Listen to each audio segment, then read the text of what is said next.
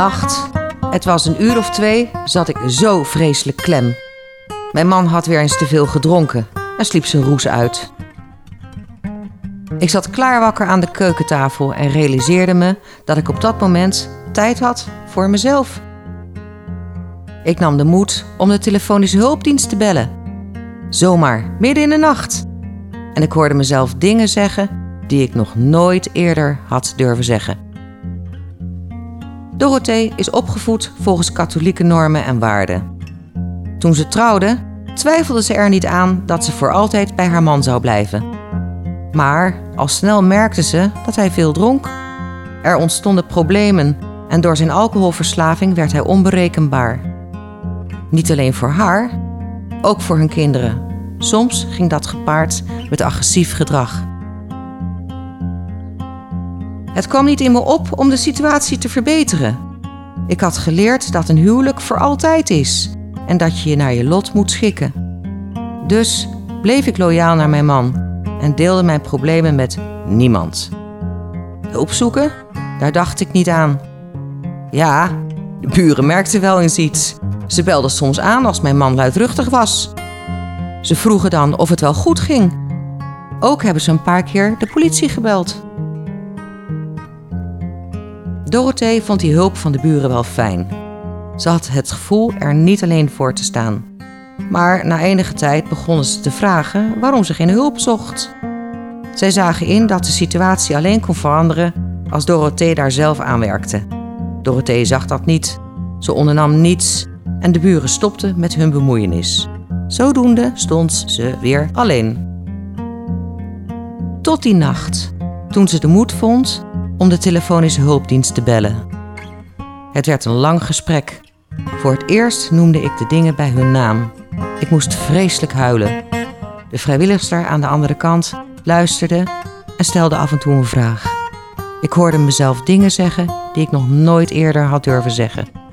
Dat kwam doordat ik wist dat ik er niet op afgerekend zou worden. Ik hoefde die ander nooit meer te spreken. Zij zou niet, zoals mijn buren destijds, de volgende dag vragen: En heb je al? Dorothee heeft daarna nog enkele keren met de telefoondienst gesproken. S'nachts, als ze niet kon slapen, als ze lag te piekeren, als ze bang was nooit meer uit haar situatie te komen. Ik ben inmiddels gescheiden na een lang proces. Als ik terugkijk, weet ik dat die nachtelijke gesprekken de eerste stappen waren op weg naar een nieuw leven. Ik kon bellen wanneer ik wilde, hoefde geen afspraak te maken. Als ik iemand nodig had om te praten, dan wist ik gewoon: er is iemand aan de andere kant van de lijn. Als 60 jaar kunnen mensen dag en nacht terecht bij Sensor. En ter ere van die mijlpaal praten we in de vierdelige podcast Ongehoord Sensor met de mensen achter de schermen die dit alles mogelijk maken. In deze aflevering bespreken we waar de gesprekken bij Sensor door de jaren heen overgaan. Mijn naam is Inge Jansen, zelfstandig journalist en voormalig vrijwilliger bij Sensor. Samen met Ben de Lamar, directeur van Sensor Rotterdam, ben ik de gast bij Sean. Sean was zelf een beller naar Sensor in de jaren 70. En ruim 30 jaar later gaf zij zich op als vrijwilliger. Zij weet dus als geen ander welke thema's bij Sensor de boventoon voeren en welke rol Sensor hierin kan spelen.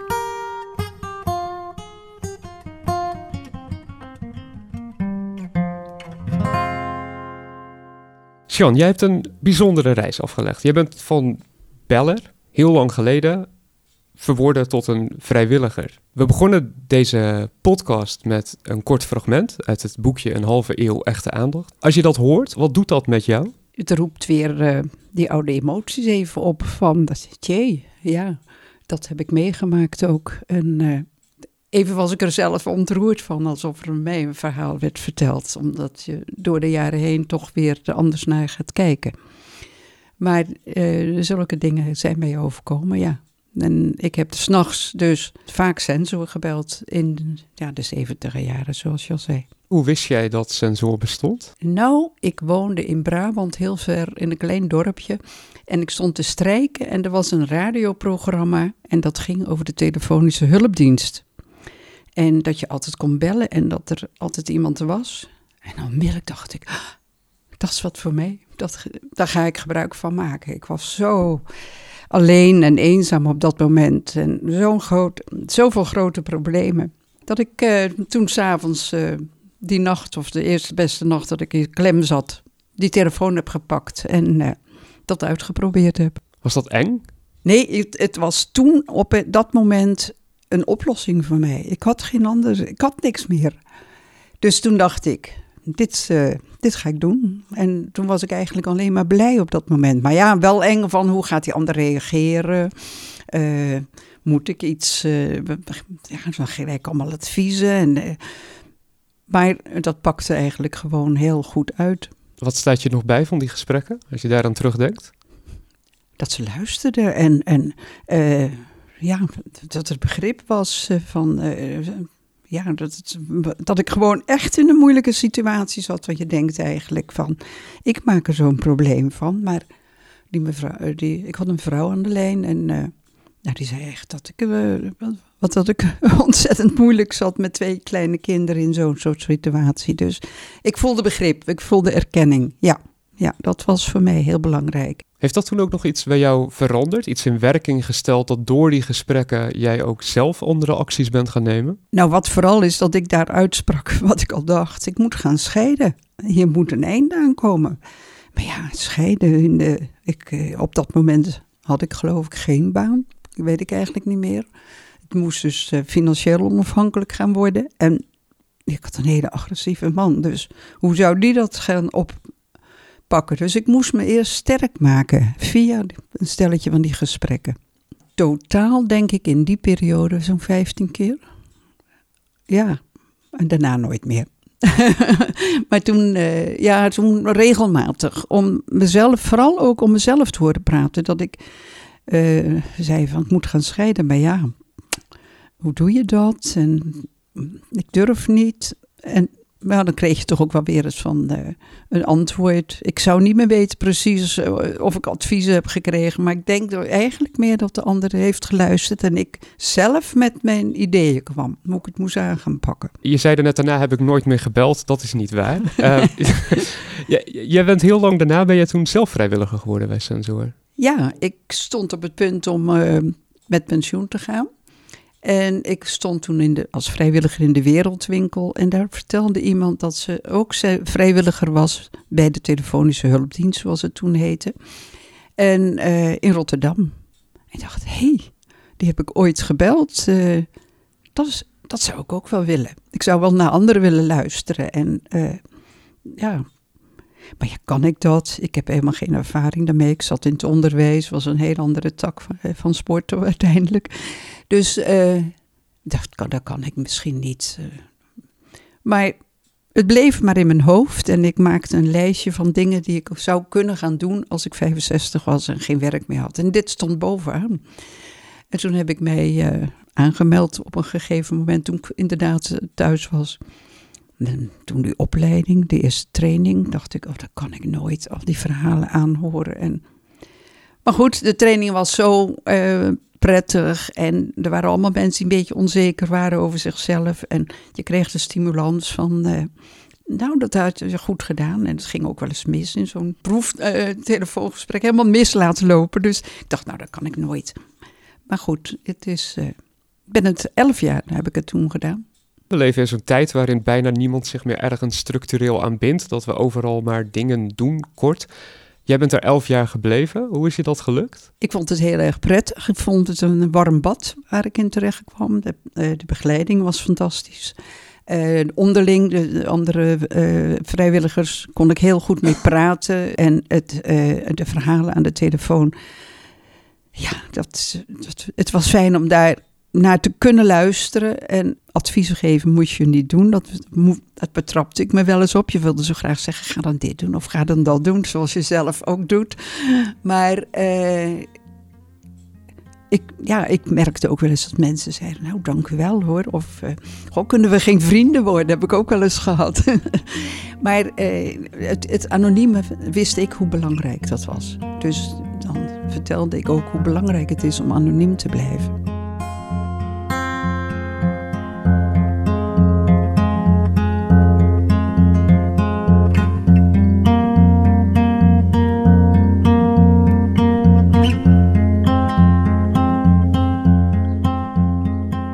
Die elf jaar dat jij gesprekken gevoerd hebt, heb je natuurlijk, wat zal het zijn, honderden gesprekken gevoerd? Ja, Duizenden misschien wel. Wat voor rode draden zie jij daarin als je terugkijkt naar waar gaan die gesprekken over? eenzaamheid. Vooral ook van psychiatrische patiënten, mensen met een, eh, ja, die een beetje de, buiten de maatschappij vallen, die dan thuis zitten en ja, de draad niet kunnen oppakken met, eh, met andere mensen. Het, het, het echt alleen zijn, dat vond ik wel eh, veel voorkomend.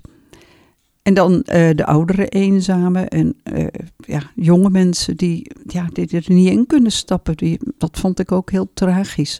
Als je dus eh, ja, jong bent en je wil graag mee in die boot die daar vaart en je wil instappen en het lukt je niet.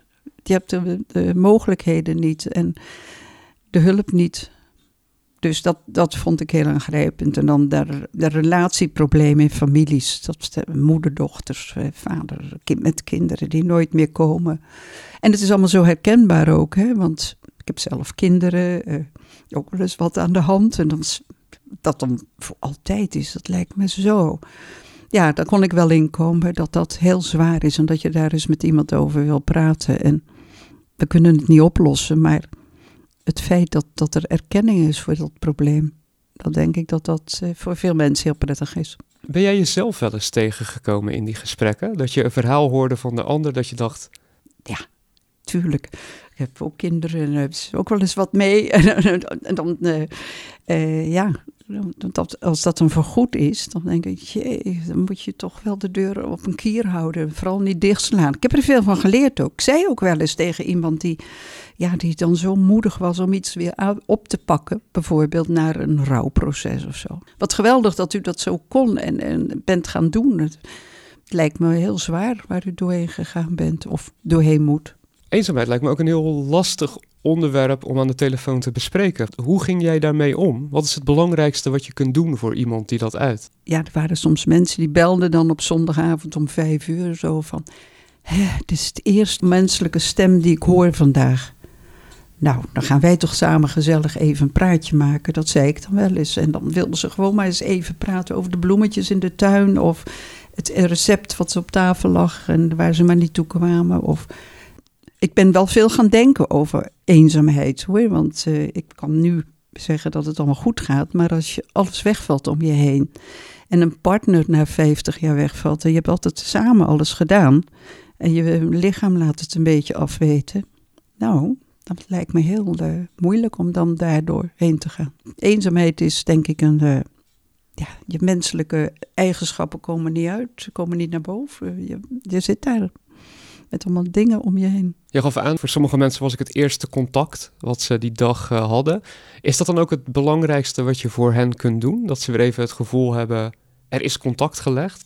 Ja, ik denk dat ze dan toch wel heel blij zijn. En zeker als ze dan even een, een babbelpraatje over de bloemetjes, over het recept. Wat ga je eten? Eh, eh, wat, ja, hoe ziet je tuin eruit? Of je balkon, of wat het dan ook is. Of over de hond, die ze, mensen dan vaak gelukkig wel hebben, een dier. En of het parkietje wat tegen hun praat. En soms kun je dat tussendoor wel eens vragen van, wat zou u nodig hebben? Of waar zou u dan naar verlangen als u zo alleen bent? En dan zeggen mensen wel eens, ja, hier komt dan niemand. Dan vraag ik ook wel eens, gaat u wel eens naar iemand? Kun je zo toch wel eens even weer een praatje hebben. Maar eh, ja, ik denk dat dan zo'n gewoon, zo'n babbelgesprek ook wel heel belangrijk kan zijn. Als je kijkt naar hoe de maatschappij in elkaar zit, zijn er ook dingen die wij als maatschappij zouden kunnen doen om iets aan die eenzaamheid te doen? Ja, ik denk eenzaamheid er ook een beetje bij hoort bij het leven. Dus we zouden moeten leren ermee om te gaan. Dat ik denk dat dat ook heel belangrijk is. We zijn allemaal wel eens eenzaam. Maar eh, daar moet je wel eh, ja, een beetje eh, interesses voor hebben. eh, mogelijkheden om eruit te stappen, om met mensen te praten. En dat heeft gewoon niet iedereen zo makkelijk. Ja, hoe, ga je, hoe doe je dat? Misschien, we zijn op scholen nu bezig met sociaal-emotionele vorming. Kinderen leren omgaan met hun gevoelens, erover te praten. Al, eh, mijn, mijn kleinzoon zei van de week, soms voel ik me hè, en soms voel ik me hmm, En soms voel ik, en meestal ben ik gewoon. En dat vond ik zo leuk dat hij inziet dat je dat leven ook gewoon is. Hè? Dus uh, een beetje mee met die gevoelens omgaan, dat zou belangrijk zijn. Ja, en uh, we worden steeds individualistischer. En ik moet zeggen dat ik dat ook wel lekker vind, want ik kan me ontwikkelen zoals ik wil. Ik kan doen wat ik wil. Maar het is ook eenzaam als je er niet meer uit kunt, denk ik. Er worden wordt tegenwoordig wel allemaal gesprekken gevoerd met 70-plussers ook. Kijken hoe ze wonen, of ze iets waar ze behoefte aan hebben.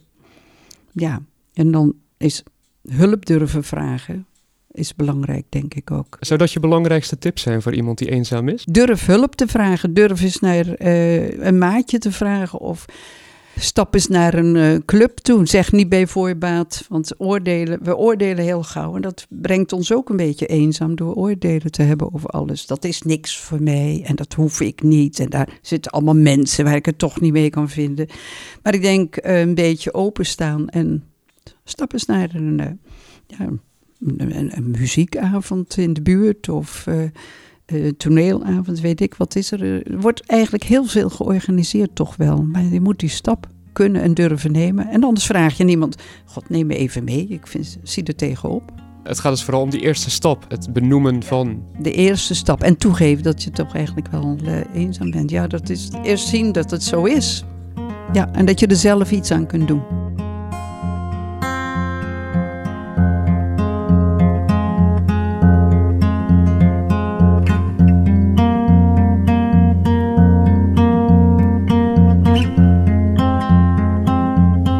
Ben Delamar, je bent de directeur van uh, Sensor Rotterdam. Je ziet ook in de cijfers uh, die jaarlijks bij jullie uitkomen dat eenzaamheid bijna altijd die lijsten aanvoert. Dat het het meest uh, genoteerde gespreksthema is dat er altijd voorbij komt. Ja. Hoe, hoe komt dat, denk je?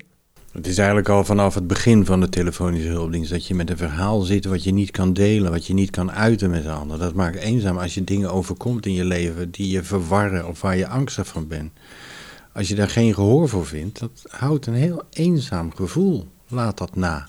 Als ik aan jou kan vertellen dat ik in de war ben over iets en jij hebt tijd voor mij, jij hebt daar aandacht voor, dan wordt mijn eenzaamheid al gelijk al minder. Dat is een menselijk gegeven. Dat is uh, lastig soms in de samenleving. En als je dan minder goed met sociale vaardigheden bent, minder makkelijk kan meekomen, dan blijf je soms alleen langs de kant staan en zo'n telefonische hulpdienst heeft dan een hele lage drempel, juist voor dat soort situaties. Is het ook zo, jullie bieden zowel e-mail aan als telefoon als chat? Ja. Is eenzaamheid in al die kanalen het meest voorkomende onderwerp? Ja, zou ik zeggen. Ook al is het in de statistieken soms dat het gaat over uh, relatieproblemen. Of, maar eigenlijk is dat natuurlijk ook dat je het niet lukt om je te verbinden met die ander. Dat je niet verbonden voelt. Eigenlijk is dat ook gewoon eenzaam zijn. Is dat ook iets waar wij als maatschappij iets aan zouden kunnen doen? Zegt dit iets over ons als maatschappij dat eenzaamheid zo'n groot thema is? Nou, ik ben geneigd om te zeggen, het is van, eh, van alle tijden. Uh, toen telefonische hulpdienst begon, zoals gezegd, was dat toen ook al een thema. Het helpt natuurlijk niet mee dat uh, de samenlevingscontext op het ogenblik ontzettend drukt op autonoom zijn, op individu zijn. Dat zijn allemaal belangrijke dingen. Maar er is natuurlijk een andere kant. Waar mensen niet autonoom zijn, waar je het even niet alleen af kan, waar je uh, moet durven om hulp te vragen zonder dat je denkt van daar moet ik me eigenlijk voor generen, want ik schiet tekort. Dus dat is natuurlijk wel een ding. En daarnaast is het demografisch aan de orde. Hè? De mensen worden ouder. Uh, het aantal alleenstaanden neemt alleen maar toe. Dat vraagt ook dat de samenleving daar uh, gelukkig ook meer aandacht voor heeft. Zodat we plekken moeten creëren waar mensen uitgenodigd wordt om te verbinden. Zie je dat ook gebeuren? Je, je zegt van de, die, die plekken ontstaan er. De gemeente Rotterdam heeft bijvoorbeeld ook het beleid gehad dat alle mensen van boven de 70 dat die bezocht worden, dat ze daar vrijwilligers voor zoeken. Zijn we daarmee op de goede weg? Los van die vorm, daar is veel over te zeggen. Uh, maar ik denk dat het een hele goede zaak is dat in de, in de samenleving uh, eenzaamheid een thema is. Dat je toch weer dat het weer gestimuleerd wordt van het oude van omzien naar elkaar, omzien naar de ander. Ja, vind ik heel belangrijk. Ja. Stel voor dat sensoren niet was. Zou dat funest zijn voor mensen die eenzaam zijn? Hoe belangrijk zijn jullie daarin? Voor een bepaalde individu kan ik me voorstellen dat het echt een verlies is. Maar over het algemeen zou ik zeggen door de bank. Nou, ik denk wel dat als sensor er niet is en vergelijkbare instellingen en, en, en gemeenschappen als sensor, dat de wereld een stukje armer is. Ja. Stel, we zitten hier over 60 jaar weer bij elkaar. Jullie hebben het, dat gaat jullie lukken, jullie hebben het overleefd. We zitten hier over 60 jaar voor 120 jaar sensor. Wat moet er in de tussentijd gebeurd zijn om ervoor te zorgen dat eenzaamheid niet meer bestaat? Jean? Niet meer bestaat? Dat is een vraag uh, voor mij. Want ik denk eenzaamheid iets is wat je toch ervaart in je leven. En zo nu en dan moet ervaren. Het, is, ja, het hoort erbij. Maar uh, de eenzaamheid die, zo die maar blijft duren, uh, mensen die er echt uitvallen. Ja, ik hoop dat daar weer oplossingen voor zijn, hulp voor is. En dat, het, dat je je niet meer hoeft te generen ervoor. Mensen die schamen zich uh, dikwijls om eenzaam. Als je tegen iemand zegt, nou ik vind dat je best eenzaam bent, zegt hij, nou nee, dat ook weer niet. Dat uh, is niet zo naar, uh, terwijl jij ziet dat hij best, en dat hij dat op andere terreinen wel aangeeft. Dus ja, het normaler gaan vinden om hulp te vragen als je het alleen niet kunt. Dat zou heel prettig zijn, denk ik, als daarover meer met kinderen al wordt gesproken. En die krijgen nu ook al op school, als ze een beetje uitvallen in de lessen, krijgen ze al mogelijkheden om over gevoelens te gaan praten. Er zijn allemaal trainingjes al. En dat zou dus, zouden we gewoon moeten gaan vinden, dat je, ik kan het even niet, ik bel iemand uh, of een, doe een cursus. En het wordt misschien al iets normaler, maar in deze drukke maatschappij zijn er toch ook nog mensen die het uitmaken en die zeggen, nou, kom op, wij gaan het even verder regelen en wij gaan wat door. En vergeten we toch ook een beetje, ook op politieke zin, denk ik, de uitvallers.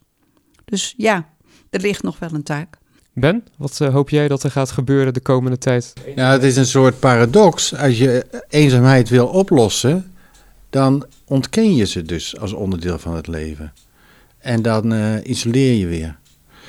Dus ik hoop eigenlijk dat er meer aandacht voor zal zijn. Voor mensen hun eigen eenzaamheid. Dat je dus niet geneert om er iets over te zeggen.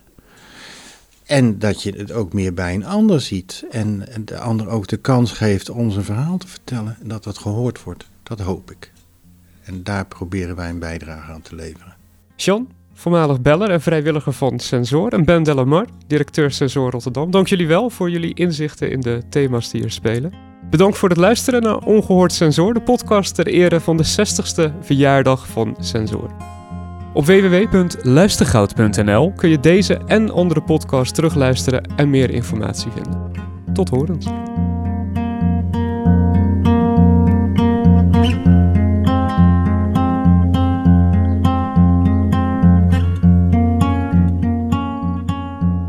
Een wetswijziging heeft ertoe geleid dat de hulpdiensten vanaf 2019 landelijk gefinancierd worden. Daarmee komt er ook een einde aan de traditie van 60 jaar telefonische hulpdienst Sensor in Rotterdam en omstreken. De dienstverlening wordt landelijk voortgezet onder de naam Luisterlijn. De regionale afdeling voor vorming en training blijft zijn diensten in Rotterdam en omstreken aanbieden.